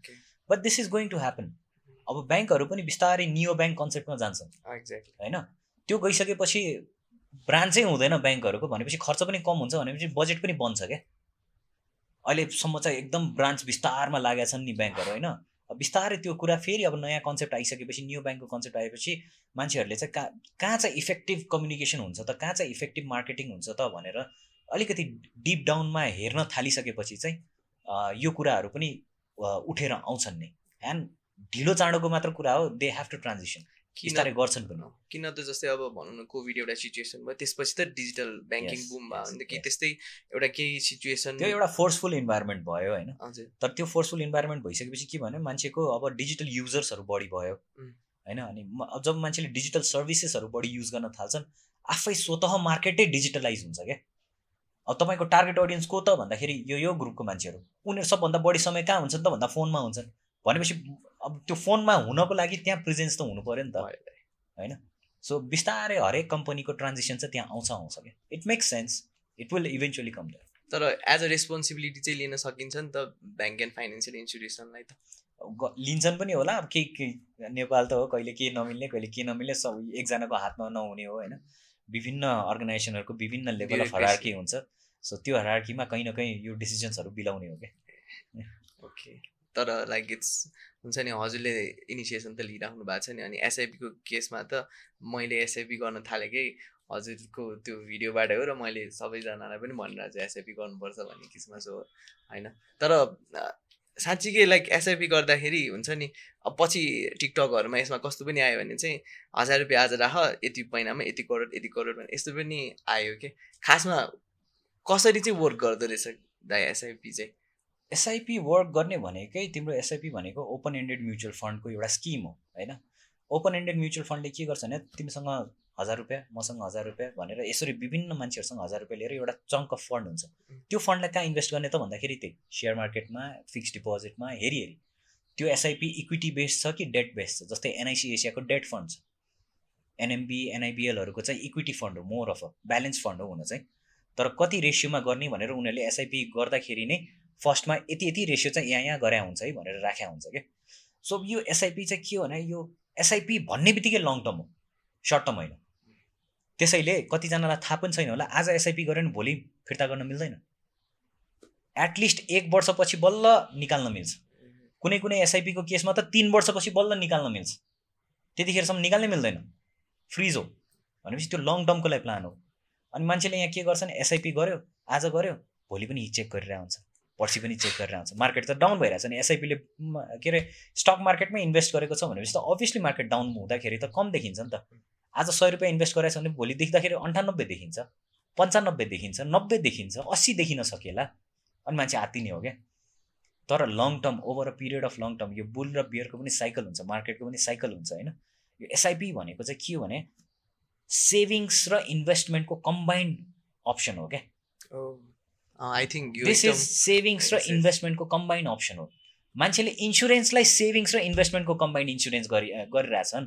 जुन कि गलत हो। इन्सुरेन्स भनेको त तपाईँको खास रिस्क कभरेजको लागि बनेको प्रडक्ट हो नि। इन्भेस्टमेन्टको लागि बनेको प्रडक्ट होइन नि त। त्यसैले यहाँ मान्छे चाहिँ इन्डाउमेन्ट प्लान भनेर इन्सुरेन्स एकदम एक्सपेन्सिभ भयो भनेर हुन्छ किन एक्सपेन्सिभ भयो त? किनभने तपाईँले राखेको चिजको पनि इन्भेस्टमेन्ट खोज्नु भएकोले एक्सपेन्सिभ भयो हो? कुनै पनि इन्सुरेन्स गएर टर्म इन्सुरेन्स लिनु त। इन्सुरेन्सको काम के हो? कभरेज हो। यो भयो भने मैले यति कभर पाउने हो। त्यति मात्र लिनु त कति सस्तो छ? पाँच लाख रुपियाँसम्मको हेल्थ इन्सुरेन्स लिनुभयो भने वार्षिक दुई हजार कि तिन हजार मात्र तिर्ने हो। त्यो भनेको मन्थली कति हो? तर मान्छे इन्डाउमेन्ट प्लान्टतिर जान्छन्। इन्सुरेन्सलाई चाहिँ इन्भेस्टमेन्टको हिसाबले हेर्छन्। जबकि एसआइपी चाहिँ त्यो इन्स्ट्रुमेन्ट हो जसले चाहिँ सेभिङ्स र इन्स्ट्रुमेन्ट इन्भेस्टमेन्ट दुइटै टु इन वान गर्ने हो क्या सो सेभिङ्स गरिसकेपछि तपाईँले गएर हेरिराख्नु हुँदैन नि त। चाहिएको बेला मात्र गर्ने हो नि त। लङ टर्मको लागि पछि फ्युचरको लागि प्लान गऱ्यो भने एसआइपी एक्ज्याक्टली त्यो माइन्डसेटबाट हेर्नु पऱ्यो क्या। सो एटलिस्ट पाँच वर्ष या आठ वर्षपछि बल्ल हेर्ने हो क्या एसआइपी भनेको। अनि त्यतिखेर घटाएछ भने बल्ल अलिकति टुकटुक हुने हो। त्योभन्दा अगाडि त सेभिङ्स गर्ने बिर्सिने। सेभिङ्स गर्ने बिर्सिने। एउटा रुटिन जस्तो बनाउने हो क्या आफूलाई। And if you look at SIP from this point of view भने त कुनै पनि चिज सर्ट टर्म हुँदैन। कन्सिस्टेन्ट र पर्सिस्टेन्ट. हुनुपर्छ। तपाईँ कन्सिस्टेन्टली नै हजार हजार हजार रुपियाँ घटे पनि बढे पनि हाल्दै जानु भएपछि magic is in the repetition के? जुन मान्छेहरूले ten to five ten to five गर्छ नि त्यही टेन टु फाइभ बढै आउने हो क्या म्याजिक एउटै काम बारम्बार बारम्बार बारम्बार बारम्बार गर्दाखेरि बल्ल त्यसमा सक्सेस आउने हो नि त। So if you keep on repeating this habit एक दिन म्याजिक हुन्छ क्या अनि त्यो म्याजिकले चाहिँ तडिपार गरिदिन्छ। तर त्यतिखेरसम्मको चाहिँ पेसेन्स पर्यो सो भन्दाखेरि सेभ पनि गरिरहेछ तर त्यो पैसा खुत्रिकीमा जम्मा मात्र भइरहेको छैन। कतै कतै इन्भेस्ट। भएर त्यसले अरू पैसालाई पनि तान्ने चाहिँ यही हो त्यो त्यसैले त्यो कन्टिन्युस चेक गरेर राख्ने इन्स्ट्रुमेन्टै होइन क्या यो। यो तपाईँले इन्भेस्ट गर्नको लागि गरे होइन। It's more like a savings भन्ने हिसाबले माइन्डसेटमा राख्नु पऱ्यो क्या। सेभिङ फर माई फ्युचर भनेर राख्नु पऱ्यो क्या। ओके दाइ अनि त्यो माइन्डसेटबाट हेऱ्यो भने चाहिँ अनि बल्ल तपाईँ ढुक्क हुन्छ। ठिक छ दाइ सिन्स लाइक हजुर हजुरले त डिभर्स सरी सिन्स हजुरले चाहिँ धेरै सेक्टरहरूमा चाहिँ like you have become an entrepreneur अनि बिजनेस सेटअप गर्नुभएको छ होइन? यो यो जर्नीमा जस्तै ल चिया अड्डा भनौँ हजुर हजुरले minus three two one ice cream भनौँ यो सबै जर्नीमा फाइनेन्सियल लिट्रेसीलाई ले चाहिँ हजुरलाई कतिको हेल्प भयो वा ल्याक भएको कारणले गर्दाखेरि हेल्प नभएको केस छ यो भनौँ न फाइनेन्स लिट्रेसी हजुरले टपिक समातिराख्नु भएको छ यो टपिक नै चाहिन्छ भोलि आएर बिजनेसमा होइन? हजुरले यति सेक्टरमा बिजनेसमा पनि हात हाल्नु भएको छ। सो हजुरको एक्सपिरियन्समा चाहिँ फाइनेन्सियल लिट्रेसी र एउटा स्टार्टअप कम्पनी त्यसमा चाहिँ रिलेसनसिप। एउटा अन्टरप्रेनर भइसकेपछि you have to have knowledge of how will you manage finance किनभने सबै तिमीसँग पैसा हुँदैन। मैले योभन्दा अगाडिको पडकास्टमा पनि भनेको पैसाले तिमीलाई रोक्दैन भने धेरैले गाली पनि गरे मैले भन्न खोजेको चाहिँ के भने नि पैसा भनेको एउटा टुल हो क्या। त्यो टुललाई म्यानेज गर्न सक्ने खालको चाहिँ आफूलाई केपेबल बनाउनुपर्छ द्याट इज फाइनेन्सियल लिट्रेसी यतिवटा बिजनेस गर्न सकेँ किनभने मैले सबैमा आफैले एक्लैले पैसा हालेको होइन। आई हेभ पार्टनर्स पार्टनर्सहरूलाई मैले मेरो आइडियामा कन्भिन्स गराउन सक्नु पऱ्यो नि त। To put their money also रिलेटिभ्सहरूलाई convince गराउन सक्नु पऱ्यो नि त। साथीलाई कन्भिन्स गराउन सक्नु पऱ्यो नि त। इन्भेस्टरलाई कन्भिन्स गराउन सक्नु पऱ्यो नि त। कि मेरो आइडियामा दम छ। यो आइडियामा काम गरौँ न भनेर। एउटा इन्भेस्टर या एउटा साथी या एउटा पार्टनरलाई कन्भिन्स गराउन सकिँदैन भने how are you going to convince the customers to buy your product त्यसैले पैसा भएर मेरो पैसा नभएर मेरो बिजनेसै बन्द भयो भने गुड पैसा भावे पनि बन्द हुन्थ्यो। बिकज यो तिमीले आफैले कन्भिन्स गराउन सकिरहेको छैनौ नि त पैसा रेजै गर्न सकेनौ भनेको त। एउटा सर्कलमा भन्ने भएन भने अर्को सर्कलमा जाने। कि त त्यो आइडियामा दमै नभयो कसैले विश्वासै नगरेकोले। कि त तिमीमा त्यो स्किल नआएको? The the reason I'm able to do so many things is like convince गराउन सकेँ क्या मैले। कि सँगै हिँडौँ न यो हिँडेपछि यो प्र यो गरेपछि चाहिँ राम्रो हुन्छ है भनेर पार्टनर्सहरूलाई एउटै टिममा लिएर आउन सकेँ। सबै पैसालाई म्यानेज गर्न सकेँ। पैसा कहिले पनि कोहीसँग त्यत्तिकै भइरह हुँदैन it's a tool to be manage तपाईँले आजकै दिनमा मसँग हेर्नुभयो भने मसँग हुँदैन पैसा। It's always spread out in the market कुनै स्टक्समा लागिरहेको हुन्छ कुनै बिजनेसमा लागिरहेको हुन्छ कुनै कहाँ गइरहेको हुन्छ कुनै साथीलाई दिइरहेको हुन्छ कुनै कहीँ गइरहेको हुन्छ and it keeps on happening कहिले मलाई चाहिरहेको हुन्छ मैले त्यसरी नै लिइरहेको हुन्छु ए टाउको दुखाइ हुन्छ। ओहो ऋण लिनु हुँदैन भन्ने कन्सेप्टहरू होइन क्या अहिले। कसरी म्यानेज गर्ने हो त? आफ्नो पोर्टफोलियोलाई कसरी म्यानेज गर्ने हो त? आफ्नो पैसालाई कसरी म्यानेज गर्ने हो त? तपाईँले ऋण लिनै डराउनुहुन्छ भने त तपाईँ बिजनेसै गर्न सक्नुहुन्न। And if you understand finance well business भयो भने मसँग एक करोड रुपियाँ छ अरे एक करोडै रुपियाँ ल्याएर मैले बिजनेस गर्दिनँ क्या इक्विटी नै हाल्दिनँ। पचास लाख हाल्छु पचास लाखको म लोन लिन्छु।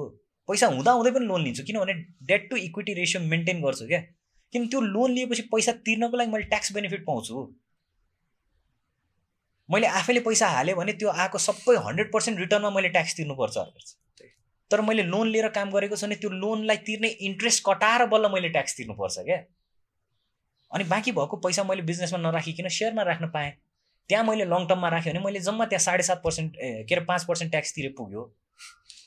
यो अनि फाइनेन्सियल लिट्रेसी त। पैसा छ भन्दैमा बिजनेस गर्ने होइन नि त। लोन लिन डराउने होइन नि त। मिक्स गर्नुपर्छ क्या क्यापिटललाई पनि। डेट र इक्विटीलाई ब्यालेन्स गरेर लिएर गएपछि मात्र राम्रो हुन्छ। धेरैजना साथीहरू देख्छु जसलाई चाहिँ ओहो लोन हुँदैन है।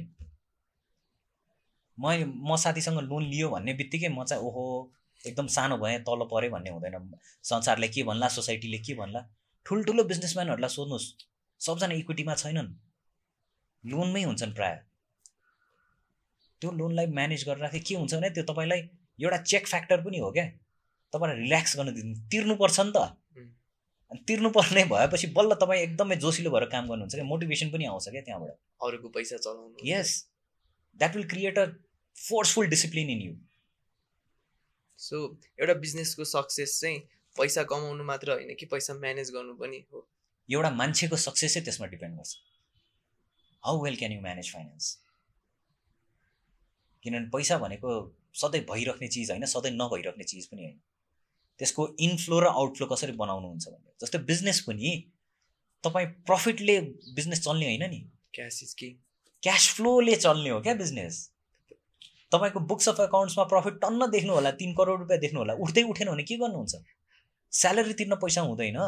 प्रफिट गरेर बसेर हुन्छ। क्यास फ्लो मिल्नु पऱ्यो क्या। त्यो क्यास फ्लो मिल्नु भनेको you need to understand how money works and you need to manage money यही नै हो फाइनेन्सियल लिट्रेसी भने पनि। त्यो पर्सनल लेभलमा पनि हेल्प गर्छ बिजनेस लेभलमा पनि हेल्प गर्छ। You need to be able to manage money क्या नआत्तिकन मेक सेन्स गरेर कुन टाइममा कहाँबाट के गर्दाखेरि बेटर होला plan A plan B plan C लिएर त्यसरी चाहिँ मेन्टेन गर्नुपर्ने हुन्छ। That's how you do multiple things also के दाइ अँ, जस्तै मैले चाहिँ हजुरलाई सरी जस्तै दाइ होइन हजुरको त ब्याकग्राउन्ड चार्टर्ड एकाउन्टेन्सी फिल्ड पनि छ नि होइन अनि चार्टर्ड एकाउन्टेन्सी फिल्डमा हजुर भएको कारणले गर्दाखेरि हजुरलाई जस्तै यो डेप टु इक्विटीको रेसियोहरू जस्तो यसमा त अलिकति प्रिअज्युम नलेज त छ नि त्यसले गर्दाखेरि हजुरलाई एज एन अन्टरप्रिनर बन्नु यो बिजनेस सेक्टरमा हात हाल्न त सजिलो त भयो होला होइन?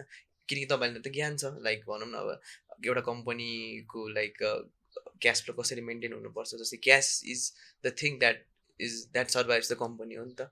तर फर अ बिजनेस होइन आइडिया छ मसँग आइडिया छ म मलाई मैले कसरी सप्लायर्ससँग सामान ल्याउने कसरी चाहिँ भनौँ न कस्टमरसँग सामान पुऱ्याउने सबै चेनको चाहिँ नेक्सस छ तर मसँग चाहिँ फाइनेन्सियल नलेज छैन मसँग चाहिँ लाइक इन टर्म्स अफ यो म्यानेजमेन्टको छैन भने त्यसले गर्दाखेरि म एज एन एन्टरप्रिनर चाहिँ डाउन साइडमा पर्छु जस्तो लाग्छ हजुरलाई। अभियसली परिहाल्छ नि। That is why you need a cofounder जसले चाहिँ तिम्रो जुन सर्ट कमिङ्स छ त्यसलाई चाहिँ नेग्लिजिबल बनाइदियोस्। त्यही त अहिले समय एक्लै गर्छु आफै गर्छु भन्ने छैन क्या। Risk is more reward is less र स्केलेबल गर्नु छ भने एक्लै पनि पुगिँदैन क्या। That is where you need a cofounder जहिले पनि टिममा काम गर्ने चाहिँ बानी बसाल्नुपर्छ। त्यसले के गर्छ? ट्रान्सपेरेन्सीतिर पनि हामीलाई पुस गर्छ। And you should invest in system first rather than investing in people भन्नाले मेरो अङ्कलको छोरा हो आऊ। होइन। मेरो साथी एकदम मिल्ने साथी हो आऊ होइन। सिस्टम बनाउने हो। हायरिङ कसरी गर्ने त? कम्पनीलाई कस्तो खालको मान्छे चाहिएको छ? तिमीलाई कस्तो खालको को फाउन्डर चाहिएको छ? तिमी टेक ब्याकग्राउन्डको हो भने तिमीलाई चाहिँ फाइनेन्स ब्याकग्राउन्डको मान्छे चाहियो। उसलाई को फाउन्डर बनाउने हो। तिमी फाइनेन्स ब्याकग्राउन्डबाट छ तिमीलाई टेक चाहिएको छ भने टेकवालालाई को फाउन्डर बनाउने हो। दुइटै फाइनेन्स फाइनेन्स बनेर के गर्छौ? तिम्रो कुरा मिल्ला अरे। दुईजना मिलेर एउटै कम्पनी चलाउनु थाल्यो भने दुईतिर जान्छ। चलाउने एउटै मान्छेले हो। अनि को फाउन्डिङ गरेर तिमीले गऱ्यो भने तिमीले सिस्टममा इन्भेस्ट गर्छौ क्या ट्रान्सपेरेन्सीमा इन्भेस्ट गर्छौ। एकअर्काको डिसिजनलाई सपोर्ट गर्ने खालको चाहिँ माइन्डसेट बनाउँछौ। टिम प्लेयर बनेर जान्छौ। And that is the greatest trade that you can develop as an entrepreneur क्या साइड बाई साइड सबैजनालाई लिएर चाहिँ कसरी जान सकिन्छ भने growing together yes that's how you scale नि त। एक ठाउँमा एक दिनमा एकजनासँग चौबिस घन्टा मात्र हुने हो। How can you have three business running if you are only one person तिम्रो रिप्लेसमेन्टमा अर्को दुइटा ठाउँमा तिमी जस्तै खालको डिसिजन गर्ने मान्छे भएन तिमीले यु क्यान रेप्लिकेट यो टाइम सो तिमीले एउटै बिजनेस मैले यो पनि गर्छु म त्यो पनि गर्छु म त्यो पनि गर्छु भनेर भन्यो भने त you can't be there at three places at the same time but if you have good cofounders जसले चाहिँ त्यो चिजहरूलाई हेर्न सक्छ if you have invested in the system कि यो सिस्टममा चाहिँ काम हुन्छ भनेर then it is possible to have multiple acumens यसरी चाहिँ हेर्नुपर्छ जस्तो लाग्छ है भने सो अलिकति पोलिटिकल त होइन अलि करेन्ट गभर्मेन्ट सिचुएसनको पनि कुरा गर्दाखेरि कस्तो छ दाइ support for an entrepreneur from the side of government भनिन्छ लाइक स्टार्टअप कम्पनी हो भने चाहिँ सब्सिडाइज लोनहरू दिन्छौँ लोन एट लो पर्सेन्ट भनेर यसरी चाहिँ सुन्नमा आइन्छ होइन तर म एज अ स्टार्टअप कम्पनी मैले त्यहाँ पाउनलाई चाहिँ के गर्नुपर्ने हो खासमा सी हजारवटा स्टार्टअप कम्पनी हुन्छ होला दुइटा या तिनवटाले पाउला। होइन अब गभर्मेन्टले भर्खर स्टार्टअपलाई रेकगनाइज गर्न सुरु गरेको छ। अनि अस्ति भर्खर त्यही पच्चिस लाखसम्मको लोन थ्री पर्सेन्टमा भनेर भनेको छ। तर त्यो भनेको चिठा पर्नु जस्तै हो क्या अहिले। अनि तिम्रो बिजनेस चाहिँ चिठा पर्नेमा डिपेन्ड गर्ने हिसाबले तिमी बिजनेस गर्छौ त। That will be a wrong move so कुनै बिजनेस गर्दैछौ या केही स्टार्टअप गर्दैछौ भने फर्स्टमा एक्सपेक्ट द वर्स्ट भन्नाले don't be dependent on government don't be dependent on anything आफ्नो बलबुतामा सस्टेन गर्न सक्छौ भने मात्र गर। गभर्मेन्टबाट हेल्प पायो वेल एन्ड बेटर बोनस लियो पाएनौ आफ्नो दममा गर। तर ए यो हेल्प पाउँछु अनि बल्ल म गर्छु भनेछ भने त स्टार्टिङ पोइन्टै गलत भइसक्यो। That is bound to fail so अलि धेरै स्टार्टअप फ्रेन्डली लजहरू पनि छैन हाम्रो नेपालमा। अनि त्यसपछि त्यो फेसिलिटीहरू पनि आएको छैन। अनि बन्दैछ बिस्तारै। बट देन आफूले गर्दै जाँदै कुन कुन लेभलमा गभर्मेन्ट लबिङ गर्ने हो सिस्टमहरू बनाउने हो त्यतातिर पनि ध्यान दिनु पनि पर्छ होइन। म आफू पनि गरिरहेको छु त्यो त्यस्तो चिजहरूमा होइन। जस्तै अहिले यो नेप्सेको केसमा मैले गुरु मन्त्र बनाएँ होइन। एउटा ल कस्तो छ भने नेप्सेबाट डेटा लिनको लागि एपिआई चाहिन्छ। त्यो एपिआई लिनको लागि तिन वर्ष पुरानो इन्भेस्टमेन्ट कम्पनी भएकै हुनुपर्छ। एपिआई भन्नाले चाहिँ एपिआई भनेको चाहिँ एक्सेस पोइन्ट हो क्या। नेप्सेबाट जुन त्यो डेटाहरू आउँछ नि यो कम्पनीको यो प्राइस चलिरहेछ लाइभ आउनको लागि त्यो त नेप्सेबाट लिनु पऱ्यो नि त। त्यो मेरो एप्लिकेसनमा देखाउनलाई त मैले लिनु पऱ्यो नि त होइन। सो त्यो देखाउनको लागि चाहिँ कस्तो लजहरू छ भने यो तिन वर्ष पुरानो हुनुपर्ने एक करोडको चुक्ता पुँजी हुनुपर्ने पन्ध्रजना इम्प्लोइहरू हुनुपर्ने नियम छ क्या। त्यसले त एन्ट्री ब्यारियर बनाइदियो नि त। सो यो नियमको लागि चाहिँ म सेबोनसँग नेप्सेसँग लबिङ गर्दैछु क्या। लबिङ भनेको फेरि नराम्रो होइन है। यो रुल चाहिँ भएन स्टार्टअपहरूको लागि पनि एउटा एन्ट्री पोइन्ट चाहिँ राम्रो बनाइदिनु पऱ्यो भनेर म ब्याक टु ब्याक मिटिङ गरिरहेको छु क्या अहिले। सो द्याट कोही नयाँ क्यापिटल मार्केटमा केही प्रडक्ट लिएर आउँदैछ भने उसलाई एक्सेस चाहिँ सजिलो होस्। ऊ कहिले तिन वर्ष पुग्ने अनि ऊ कहिले नियममा पुग्ने अनि बल्ल त्यो एक्सेस पाउने त। त्यतिखेरसम्म त प्रडक्ट कहाँ पुग्छ पुग्छ नि। अनि डेभलपमेन्टै हुँदैन नि। सो यस्तै यस्तै कुराहरूमा चाहिँ हामीले गर्ने हो अगाडि बढ्दै जाने हो। जे जे एरियाजहरू छ त्यहाँ त्यहाँ कभर गर्दै जाने गभर्मेन्टलाई झकझकाउँदै जाने जस्तै यात्रीको केस होइन गर्दै गयो रुल थिएन संसद भवनमा पनि उठ्यो त्यसपछि सोसियल मिडियामा पनि उठ्यो अनि रुल बन्यो। यसरी नै बन्दै जान्छ क्या देश। छैन भन्दैमा नगरिहाल्ने होइन होइन. तर एकदमै त्यो आउट अफ द ल नै गरेर चाहिँ नगर्ने तर ग्रे एरियाहरू छ भने चाहिँ हामी जाने गर्ने अनि गभर्मेन्टको सपोर्ट पनि खोज्ने सोसियल मिडियामा पनि आफ्नो भोइस राख्ने अनि विभिन्न किसिमको प्रोग्राम्सहरू हुन्छ जहाँ चाहिँ हामीले आफ्नो भोइस राख्न मिल्ने खालको हुन्छ एसोसिएसन्सहरू हुन्छ। त्यो एसोसिएसन्समा गएर भन्ने अलिअलि मिहिनेत त गर्नुपर्छ यार। सो यो लेभलको सपोर्ट चाहिँ खोज्दा भयो। तर त्यसले नै मात्र मेरो बिजनेसलाई ड्राइभ गर्छ अनि मात्र म गर्छु भनेर चाहिँ नगर्दा हुन्छ। सो डिपेन्डेन्ट चाहिँ हुनु भएन यस सेल्फ डिपेन्डेन्ट. आफ्नो बिजनेसमा आफ्नो दाइ यसमा हजुरको ओपिनियन के छ? है मैले एउटा किनकि लाइक फाइनेन्सियल लिट्रेसी चाहिँ एकदमै मलाई चाहिँ पर्सनली एकदमै इम्पोर्टेन्टै लाग्छ होइन। भनौँ भन्- भयो भने आफ्नो पर्सनल लेभलमा पनि। अब भनौँ न आफूले कुनै एउटा बिजनेस रन गरेछ भने बिजनेसको सक्सेसको लागि पनि लाग्छ। त्यही कन्टेक्समा होइन development of a country depends upon the financial literacy rate of the population. यसमा चाहिँ हजुरको ओपिनियन के छ? कम्पनीको के अरे कन्ट्री कन्ट्रीको डेभलपमेन्ट भनेकै कन्ट्रीले चाहिँ ग्रोथ गर्नु हो इकोनोमिक ग्रोथ गर्नु हो होइन।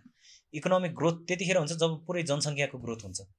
जनसङ्ख्याको ग्रोथ हुनको लागि मान्छेले पैसासँगको सम्बन्ध राम्रो पनि हुनु पऱ्यो सो द्याट मार्केटमा मनी सप्लाई पनि राम्रो होस् बाहिरको इन्भेस्टरहरूलाई पनि यो देशमा चाहिँ केही इन्भेस्टमेन्ट गर्दाखेरि रिटर्न राम्रो आउँछ भन्ने खालको होस्।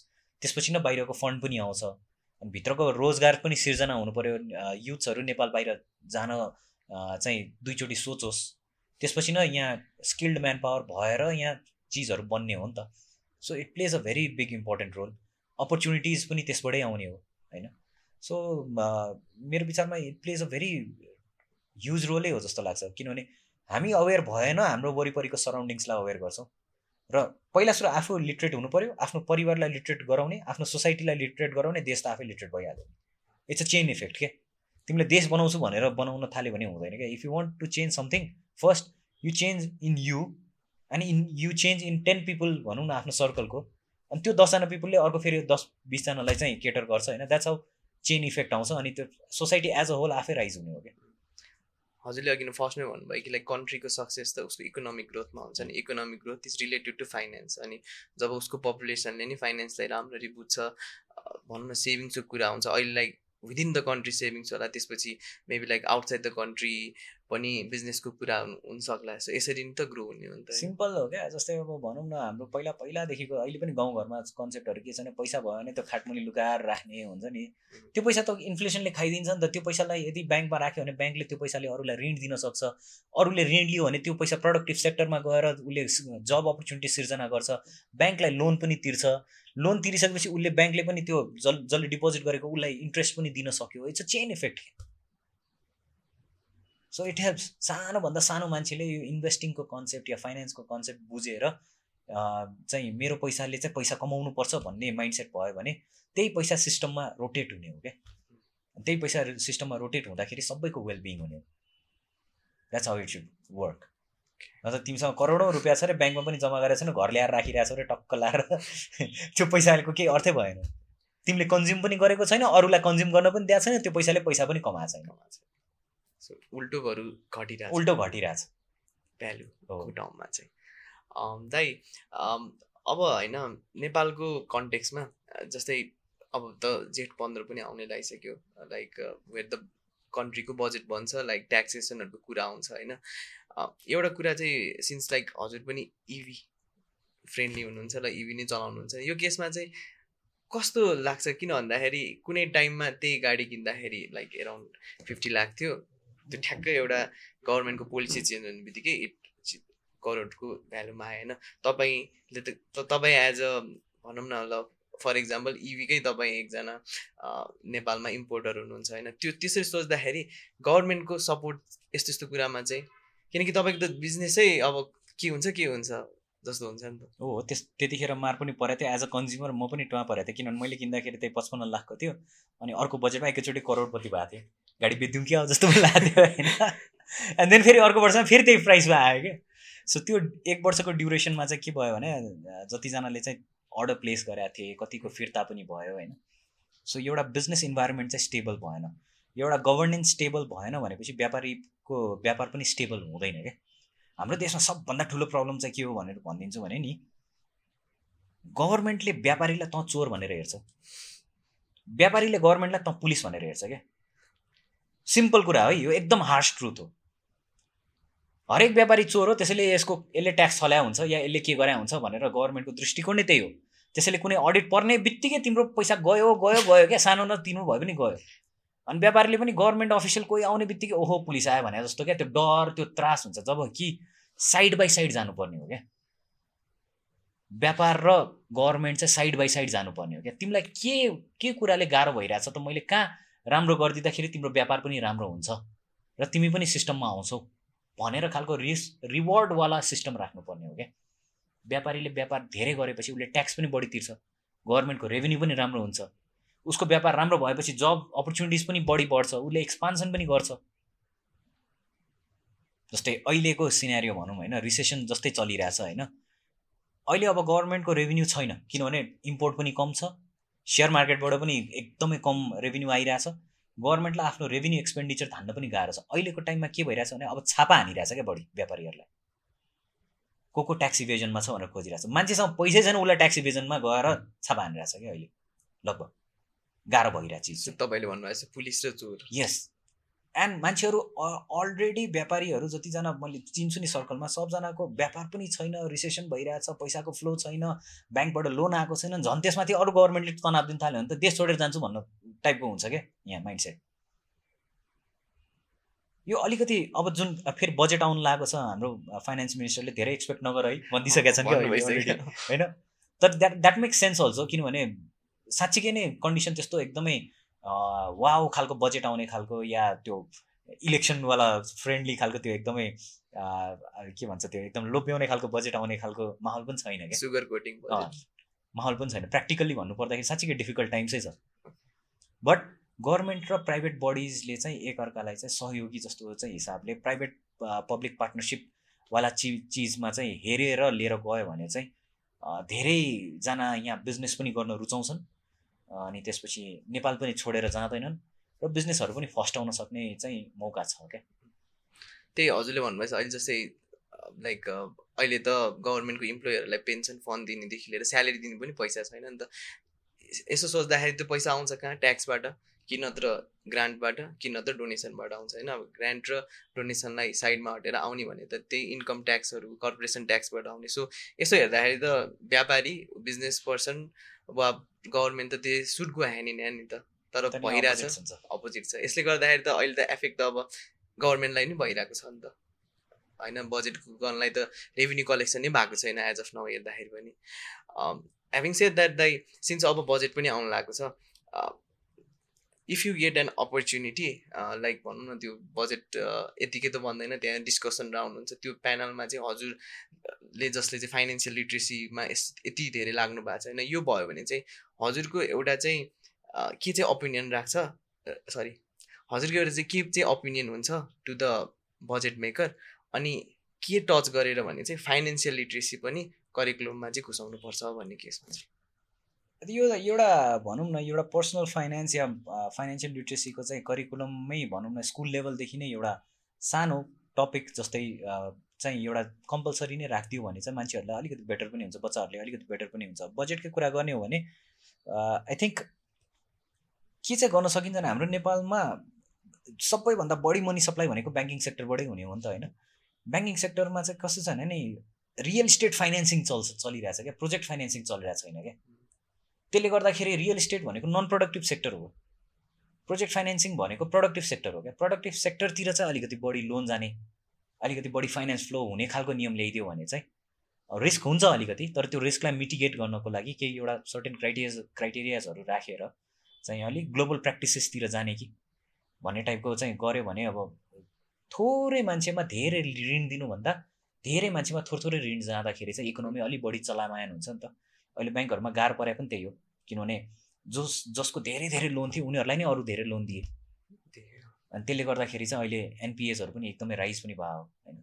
सो प्रोडक्टिभ सेक्टरमा चाहिँ जानु पऱ्यो अनि रियल इस्टेटको कारोबारहरू ठप्प भएकोले गर्दाखेरि पनि यो रिसेसन एकदमै यो भनौँ न इकोनोमिक क्रन्च भएको। अब यसलाई कसरी हुन्छ? अलिकति नियमहरू कानुनहरू चाहिँ अब पहिला जे भयो भयो टाइपको चिज छोडेर अबबाट चाहिँ राम्रो गर्ने टाइपको केही गऱ्यो भने मेबी मार्केटमा सप्लाई अलिकति बढी हुन्छ होला होइन? तर एक्चुअलमा दाइ पैसा चाहिँ खासमा भनौँ न सुन्दै आइरहेछौँ कि लाइक पैसा छैन पैसा छैन। अब म एउटा बिजनेस भयो भने मेरो पैसा कसैसँग पैसा लिनु छ भने उसँग लिन जाँदाखेरि उसको पनि पैसा कसैसँग लिनु छ त्यो नेक्स्ट चलिरहेछ नि होइन? तर कतै न कतै त पैसा त छ नि त। त्यो खासमा हजुरको हेराइमा होइन हजुरको बुझाइमा चाहिँ भएको चाहिँ के होला सर ठ्याक्कै भएको के हो भनेर चाहिँ मलाई पनि एक्ज्याक्टली चाहिँ भन्न सकिँदैन होइन? यो के भएको होला? तर मेरो अन्डरस्ट्यान्डिङ चाहिँ के हो भने धेरै पैसा चाहिँ विदेशीको एउटा अनि अर्को धेरै पैसा चाहिँ हाम्रो बोर्डर एरियामा पनि छ जस्तो लाग्छ मलाई है। किनभने एउटा इन्डियन टुरिस्ट नेपाल आउँदाखेरि जम्मा दस हजार रुपियाँ मात्र बोकेर आउन मिल्छ लिगल्ली दस हजार नेपाली आइसी आइसी होइन? त्यो उसले चेन्ज गर्छ बोर्डरमा होइन? तर इमेजिन पाँचजनाको परिवार इन्डियाबाट नेपाल आउँदैछ भने उसले दस हजार आइसी मात्र खर्च गर्छ होला जस्तो लाग्छ। पुग्छ उसलाई। सोह्र हजार। पुग्दैन नि। So huge transaction of currency exchange चाहिँ बोर्डरमा छ क्या त्यहाँ नेपाली पैसा फसेरै बसेको छ ग्यारेन्टी हो। ग्यारेन्टी त त्यसरी त भन्दिनँ होइन तर होला है एउटा एउटा चाहिँ त्यो भयो। अर्को भनेको यो इफेक्ट चाहिँ यतिखेर देखिएको हो तर यसको सुरुवात कतिखेर भइसकेको थियो भने कोभिडको टाइमपछि जब खालि दुबई अनि फ्यु एयरलाइन्सहरू मात्र अपरेट भएको थियो क्या दिनमा चार पाँचवटा एयरलाइन्स अपरेट भएको थियो प्याक जान्थ्यो क्या यहाँबाट। त्यतिखेर एकजनाले पन्ध्र सय डलर लिएर जान पाउँथ्यो क्या। नेपाली। नेपाली।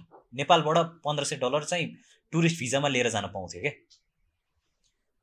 मानौ तपाईँको दुई सय सत्तरी सिट भएको या तिन सय सिट भएको एयरलाइन्स पनि पाँचवटा एयरलाइन्स एभ्री डे नेपालबाट फ्लाइ गरिरहेको थियो।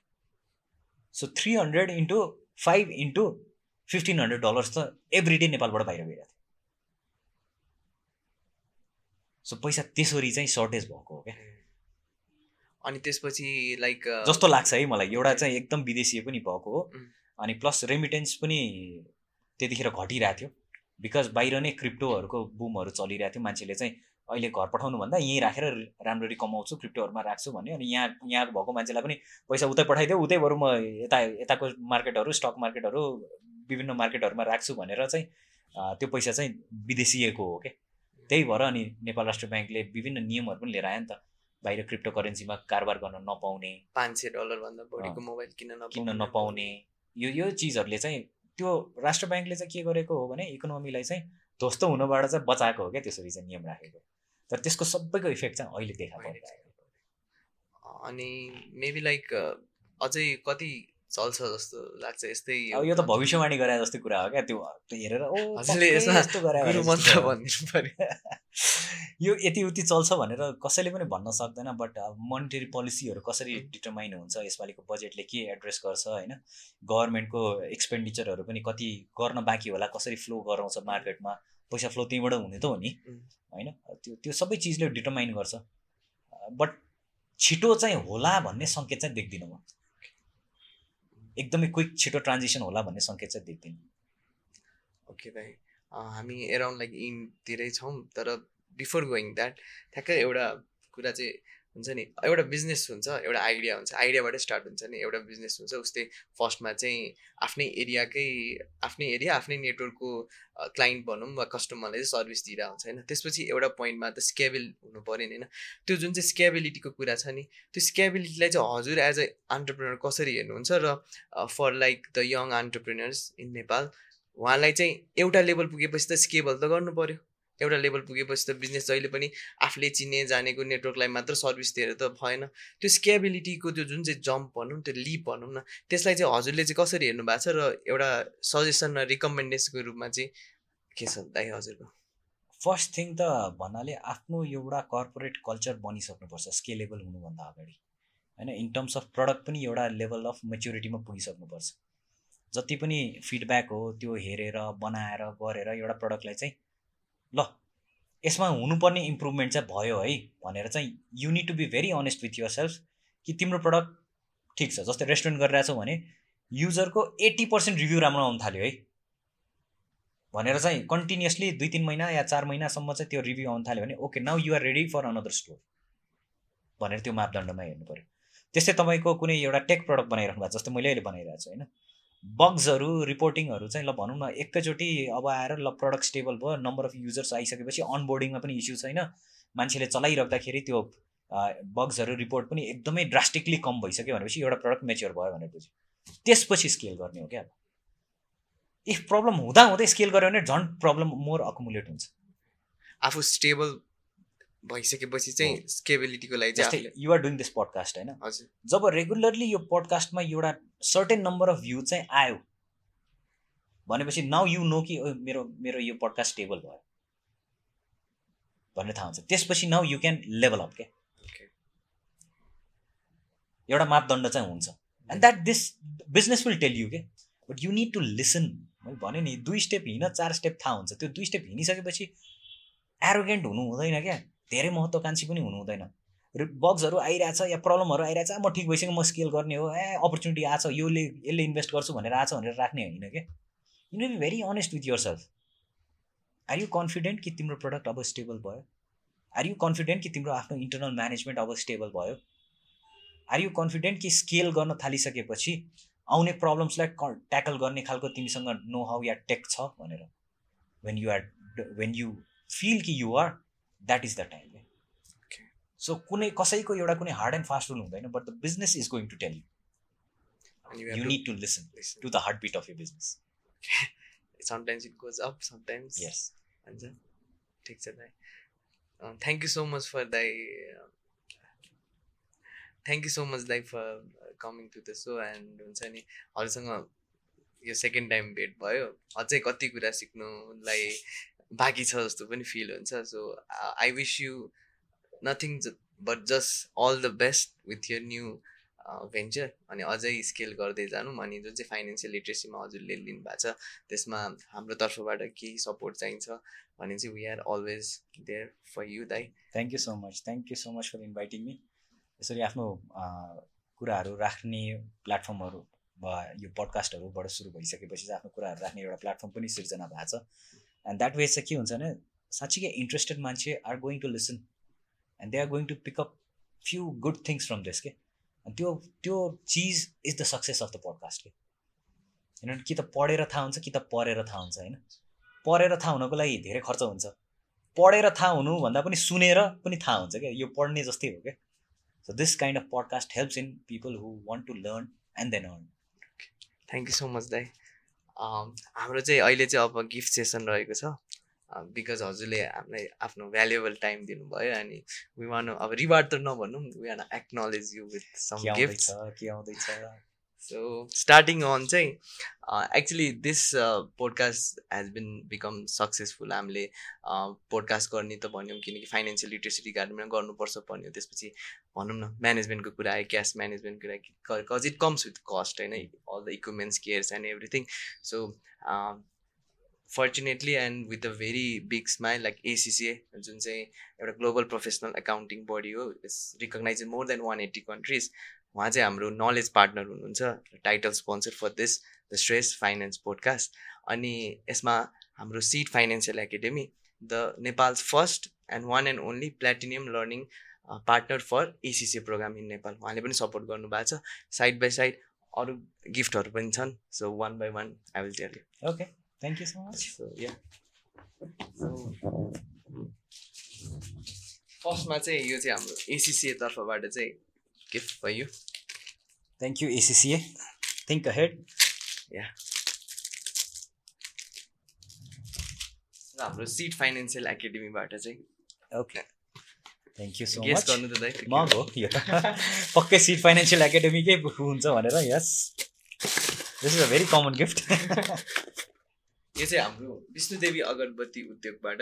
Oh. यो चाहिँ उहाँले उहाँ उहाँलाई पनि मैले के भनेको थिएँ भने चाहिँ we are doing a podcast on financial literacy अनि उहाँको जो ओनर हुनुहुन्छ उहाँलाई पनि यो भनौँ न यो जस्तै क्रिप्टोको कुराहरू एसआइबी कुरा चाहिँ इन्ट्रेस्ट छ क्या। अनि आइसेट लाइक यो चाहिँ भोइस रेज गर्नु सकिन्छ। हामी कसरी चाहिँ कोलाबरेट गर्नु छ भने okay I will be gifting this thank you so much Shri Vishnu Devi amaze rose this is one of the product seven in one रहेछ के हो सेभेन इन यसमा वान भनेको डिफ्रेन्ट सेन्सहरूको चाहिँ छ।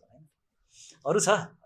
माई गड यो चाहिँ हाम्रो रिच पडकास्ट होइन because what we feel is like होइन guest no it's really nice कि एटलिस्ट फर्स्टमै यति धेरै sponsors are believing in you so you have a capacity to raise funds thank you startup हाम्रो यो पोडकास्ट सब manage गर्ने चाहिँ हाम्रो टिम भिजन्स नेपाल हो.